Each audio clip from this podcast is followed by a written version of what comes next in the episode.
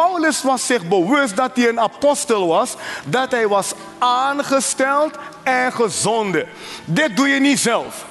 Eigenlijk zegt hij, ik heb mezelf niet tot apostel aangesteld en ik heb mezelf niet gezonden.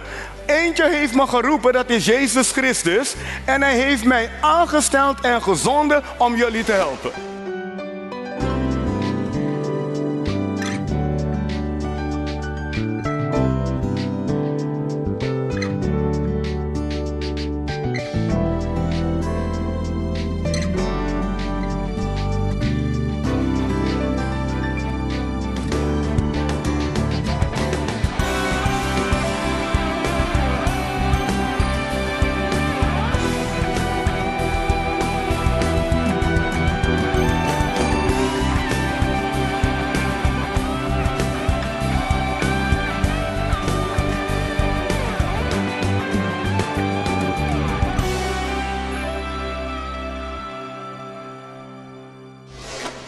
Dat u kijkt.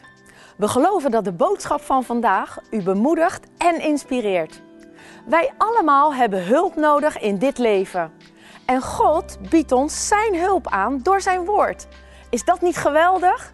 Die grote en almachtige God, de schepper van hemel en aarde, de God van wonderen en de Vader van onze Heer Jezus Christus. Hij wil iedereen helpen, want Zijn woord zegt dat Hij geen aannemer van een persoon is. En waarom zouden we daar niet op ingaan? Het maakt niet uit wie u bent, waar u bent of in wat voor moeilijke situatie u zit. God is altijd groter. Hij maakt wegen waar geen wegen zijn. Wonderen zijn heel normaal. En hij verandert levens en situaties ten goede. Blijf kijken en ontvang wat God voor u heeft.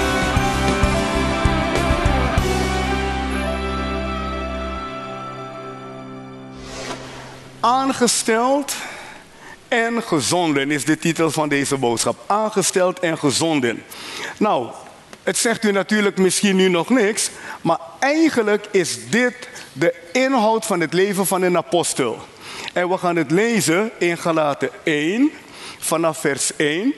En hier staat van Paulus, een apostel die niet is aangesteld of gezonden door mensen. Hier zitten lessen voor ons in.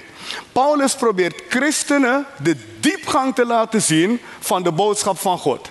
En dat is wat ik vandaag ook probeer, om u de diepgang te laten zien van het evangelie. Bij, in bijna al zijn brieven zegt hij, ik ben een apostel door God gezonden. Hij wil de mensen ervan bewust maken wat er aan de hand is. Hij wil de mensen ervan bewust maken dat ze niet zomaar bezig zijn met een vereniging of met een club, weet je wel, of met een menselijk gedoe. Paulus neemt ze rechtstreeks in Gods tegenwoordigheid. Rechtstreeks in Gods tegenwoordigheid.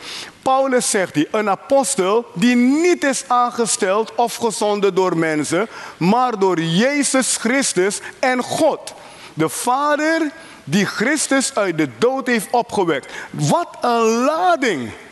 Wat een lading. Weet je, je kan het lezen en denken het is aardig wat die man zegt. Maar dit is, het is belangrijk om dit te begrijpen. Want daarna gaat hij de rijkdom van de boodschap uitleggen. En de gelaten brief is een hele mooie brief. De gelaten brief laat je zien hoe vrij je kan zijn als christen. In gelaten hoofdstuk 5 zegt hij, opdat we waarlijk vrij zouden zijn, heeft Christus ons vrijgemaakt. De gelaten brief is rijk aan informatie voor uw geloof en mijn geloof. En Paulus wil dat we de lading begrijpen. Hij zegt in Galaten 3, hij zegt, joh, Christus is een vloek voor ons geworden. Hij zegt, en zodat wij de zegen hebben kunnen krijgen. Dus wat hij vertelt in die brief is niet klein, is zeer groot. Maar voordat hij die dingen vertelt, vestigt hij je aandacht erop dat dit niet zijn boodschap is, maar dat het de boodschap van God is. Hoeveel christenen hier geloven dat de Bijbel Gods woord is? Nou, en dat is wat Paulus probeert over te brengen bij deze mensen. En in zijn dagen hadden ze nog geen Bijbel. De Bijbel is later natuurlijk echt in boekvorm naar ons gekomen. Maar in Paulus' dagen was het nog niet zo. Dus hij schreef brieven. De Bijbel is ook een verzameling geworden van die brieven. Ik hoop dat u dit begrijpt. Dus hij doet zijn best om de christenen van eigenlijk het eerste uur duidelijk te maken dat ze in contact zijn gekomen met de hemel. Dat ze in contact zijn gekomen met die almachtige God. Dat ze in contact zijn gekomen met Jezus Christus. Dat ze in contact zijn gekomen met de Heilige Geest. Dat eigenlijk ze in een familie terecht zijn gekomen, waar de beste familie is in het ganse universum, God en zijn familie. En zijn zoon Jezus Christus. Paulus doet iets hier wat diep gaat. Als je makkelijk eroverheen leest, denk je, ja, het is aardig wat hij zegt. Maar hij wil je aandacht hebben. Zegt, Paulus, een apostel niet aangesteld of gezonden door mensen, maar door Jezus Christus en door God, de Vader die Christus uit de doden heeft opgewekt. Hier zit zoveel informatie bij, ik wil u helpen. En ik zal u helpen. Het woord apostel betekent een gezondene. Het woord apostel betekent een gezondene. Het was een term die de Romeinen gebruikten. Rome zond een apostel uit om de belangen van Rome te behartigen in andere delen van de wereld. Rome zond een apostel uit om mensen eigenlijk Romeins te maken, als ik het zo mag zeggen. En zo, Jezus heeft de naam apostel heel bewust genomen om ons te laten zien dat niet Rome ons uitzendt, maar God zendt ons uit. Want u begrijpt, de apostel in de dagen van de Romeinen is niet de apostel uit de Bijbel. Want de apostelen uit de Bijbel zijn door God gezonden. De apostelen van het Romeinse Rijk werden door het machtige Romeinse Rijk gezonden. En Jezus heeft heel bewust dit voorbeeld gebruikt om ons duidelijk te maken dat een apostel gezonden is door het machtige koninkrijk van God, door die almachtige God. Bent u niet blij daarmee, mensen? Want dat houdt in dat deze man een boodschap voor u heeft. En Paulus was zich bewust dat hij een apostel was, dat hij was aangesteld en gezonden. Dit doe je niet zelf. Eigenlijk zegt hij, ik heb mezelf niet tot apostel aangesteld en ik heb mezelf niet gezonden. Eentje heeft me geroepen, dat is Jezus Christus. En hij heeft mij aangesteld en gezonden om jullie te helpen. En ik hoop dat u dit begrijpt. Hij is aangesteld en gezonden om jullie te helpen. En hij zegt dit heel bewust, zodat hij uw aandacht heeft. Dat u gaat luisteren naar de boodschap. En dan zegt hij, Jezus heeft mij gezonden, God heeft mij gezonden. En dan zegt hij, de Vader die Christus uit de dood heeft opgewekt. Nou, dit doet je even stilstaan. In één keer zegt hij, iemand is uit de dood opgewekt. Dus hij praat hier over een kracht die niet normaal is. Hij praat hier over een God die almachtig is. Hij zegt, hij heeft Jezus uit de dood opgewekt. Hoeveel mensen hier weten dat Jezus leeft? Kan ik een goede amen horen? Hoeveel weten God heeft hem uit de dood opgewekt? Eigenlijk zegt Paulus hier dus tegen ons, je bent in contact gekomen met de God bij wie alle dingen mogelijk zijn. Je moet goed luisteren naar die boodschap. Als Paulus zegt, ik heb mezelf niet gezonden, ik heb mezelf niet aangewezen, wil hij uw aandacht vestigen op de zender. Hij wil uw aandacht vestigen op de grote, almachtige schepper van hemel en aarde en zijn zoon Jezus Christus. En hij zegt, hij heeft me aangesteld en hij heeft me gezonden. Het is niet door mensen gebeurd. Dit is de Heilige Geest die mij geroepen heeft. Het is Jezus Christus en God de Vader die Christus uit de dood heeft opgewekt. Man, dat moet uw aandacht en mijn aandacht trekken. Een man die uit de dood is opgewekt. Hij was echt morsdood. En, en door de kracht van God komt hij terug. En hij is zo reëel teruggekomen dat hij vandaag de dag wereldwijd levens verandert. Hij doet wonderen wereldwijd. Hoeveel mensen hier kunnen zeggen: Mijn leven is veranderd door Jezus Christus? Hoeveel mensen kunnen zeggen: Hij woont in mij? Daarmee zegt u dat dit waar is, dat God hem heeft opgewekt uit de dood. Want hij was morsdood. De Romeinen hebben hem vermoord onder allerlei omstandigheden van mensen die eigenlijk tegen hem waren. En dan zegt u dat hij leeft. Hoeveel hier zeggen ik heb hem echt als een levende heiland ontmoet in mijn leven? Prijs de Heer.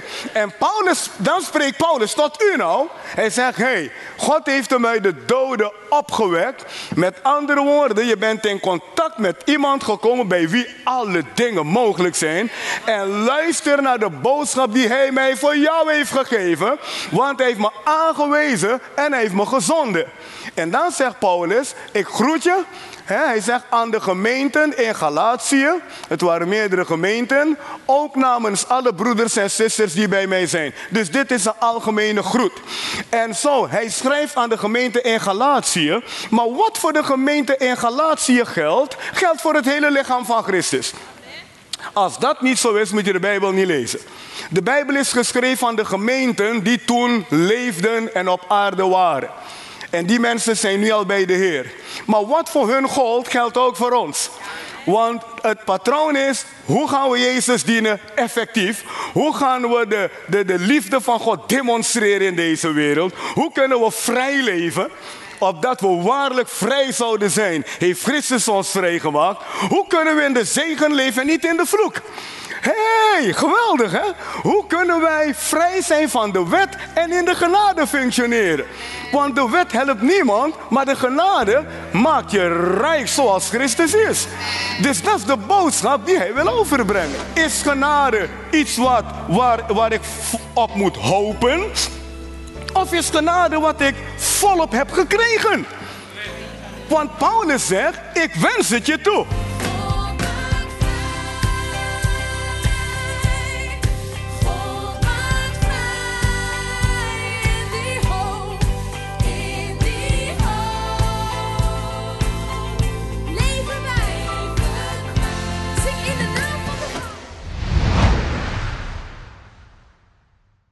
Weet je dat geloven niet passief is? Je kunt niet zeggen je gelooft in God en je doet er verder niks aan. In de hele Bijbel zien wij dat mensen die in God geloofden, mensen die in Jezus Christus geloofden, actief bezig waren met de wil van God. Neem nou Adam in het paradijs. Hij was actief bezig om het paradijs te bewerken en te bewaken. Wat een zegen. Totdat hij het niet meer deed, kreeg hij problemen. Abraham, God zegt tegen hem, verlaat je land en ga naar het land wat ik je wijzen zal. Wat een actie zeg. Het is ingaan op de stem van God. En kijk naar de zegen. Abraham is geworden de vader van alle gelovigen. Dus als we actief ingaan op de wil van God, brengt dat een grote zegen voort in je leven. Mozes, de Bijbel is vol van mensen en met mensen die dit gedaan hebben.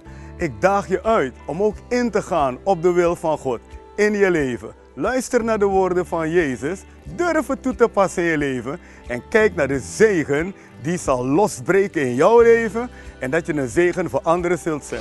Paulus was zich bewust dat hij een apostel was, dat hij was aangesteld en gezonden. Dit doe je niet zelf.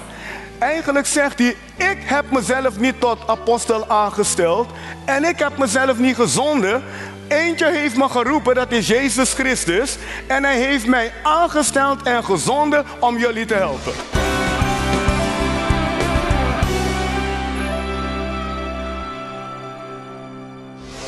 En dan zegt hij, genade zij u en vrede van God, onze Vader en van onze Heer Jezus Christus. Er zijn hier een paar dingen die we goed moeten begrijpen. Hij zegt, hey, de vader van onze Heer Jezus is nou ook jouw vader geworden. Omdat je Jezus hebt aangenomen in je leven, ben je een kind van God geworden. Hij zegt, we hebben dus nu een gemeenschappelijke vader. Genade zij u en vrede van God onze vader en van onze Heer Jezus Christus. Hij laat zien dat we nou familie zijn. Hoeveel hier zeggen, ik ben blij dat ik familie ben met Jezus Christus. De vader van onze vader en de Vader van onze Heer Jezus Christus. Met andere woorden, je bent een kind van God geworden.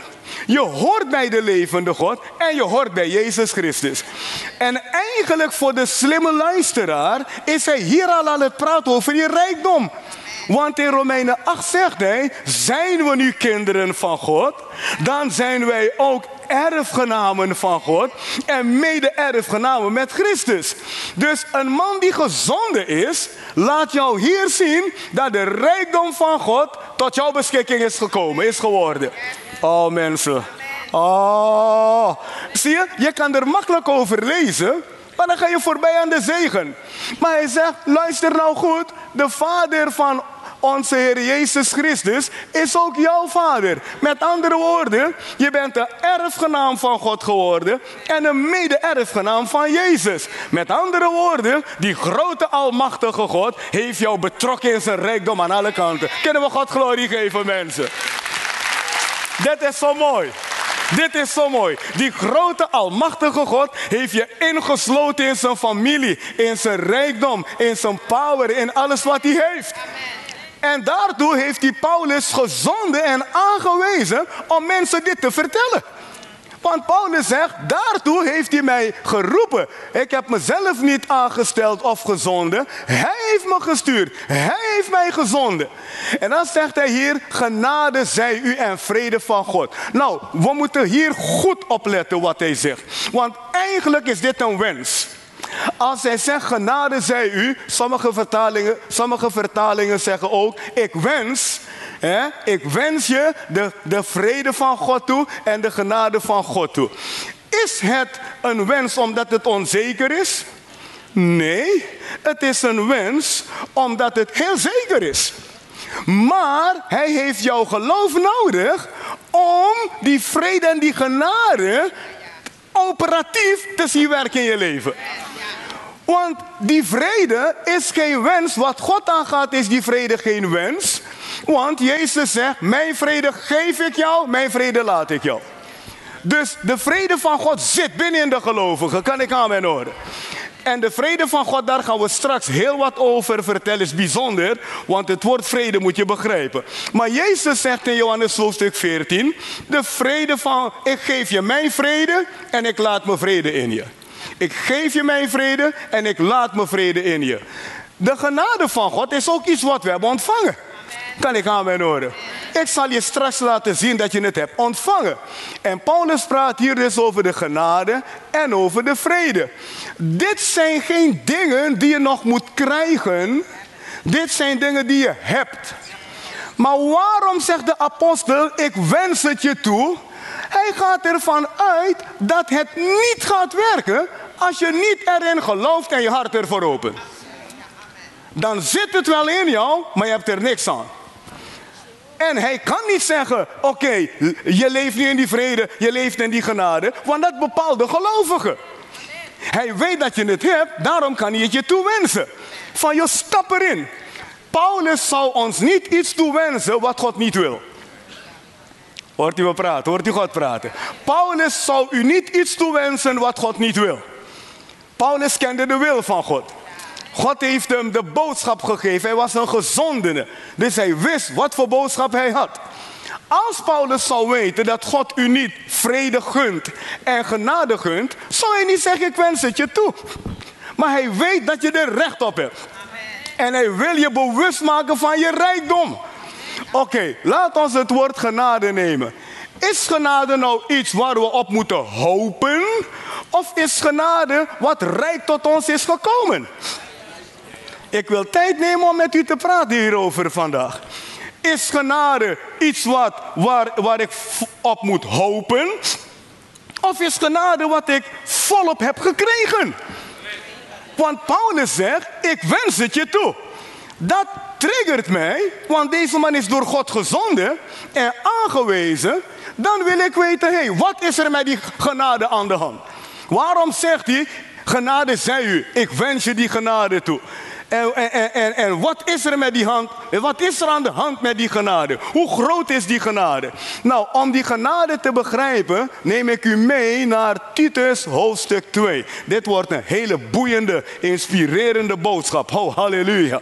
Gelovigen, iemand is gezonden door God om je dit te vertellen. God heeft iemand aangewezen en gezonden om tot jou te praten. Wat God jou heeft gegeven, waar je recht op hebt en waar je in mag geloven. Wilt u deze uitzending of andere terugkijken? Dat kan. Ga daarvoor naar onze website www.levendesteenministries.nl God wil u niet opvoeden in ellende. God wil u niet opvoeden in negativisme. God wil u niet opvoeden in nederlaag. God wil je niet opvoeden om de hele tijd maar te denken: het gaat me niet lukken. God wil je opvoeden van als Jezus met je is. Dan zijn alle dingen mogelijk.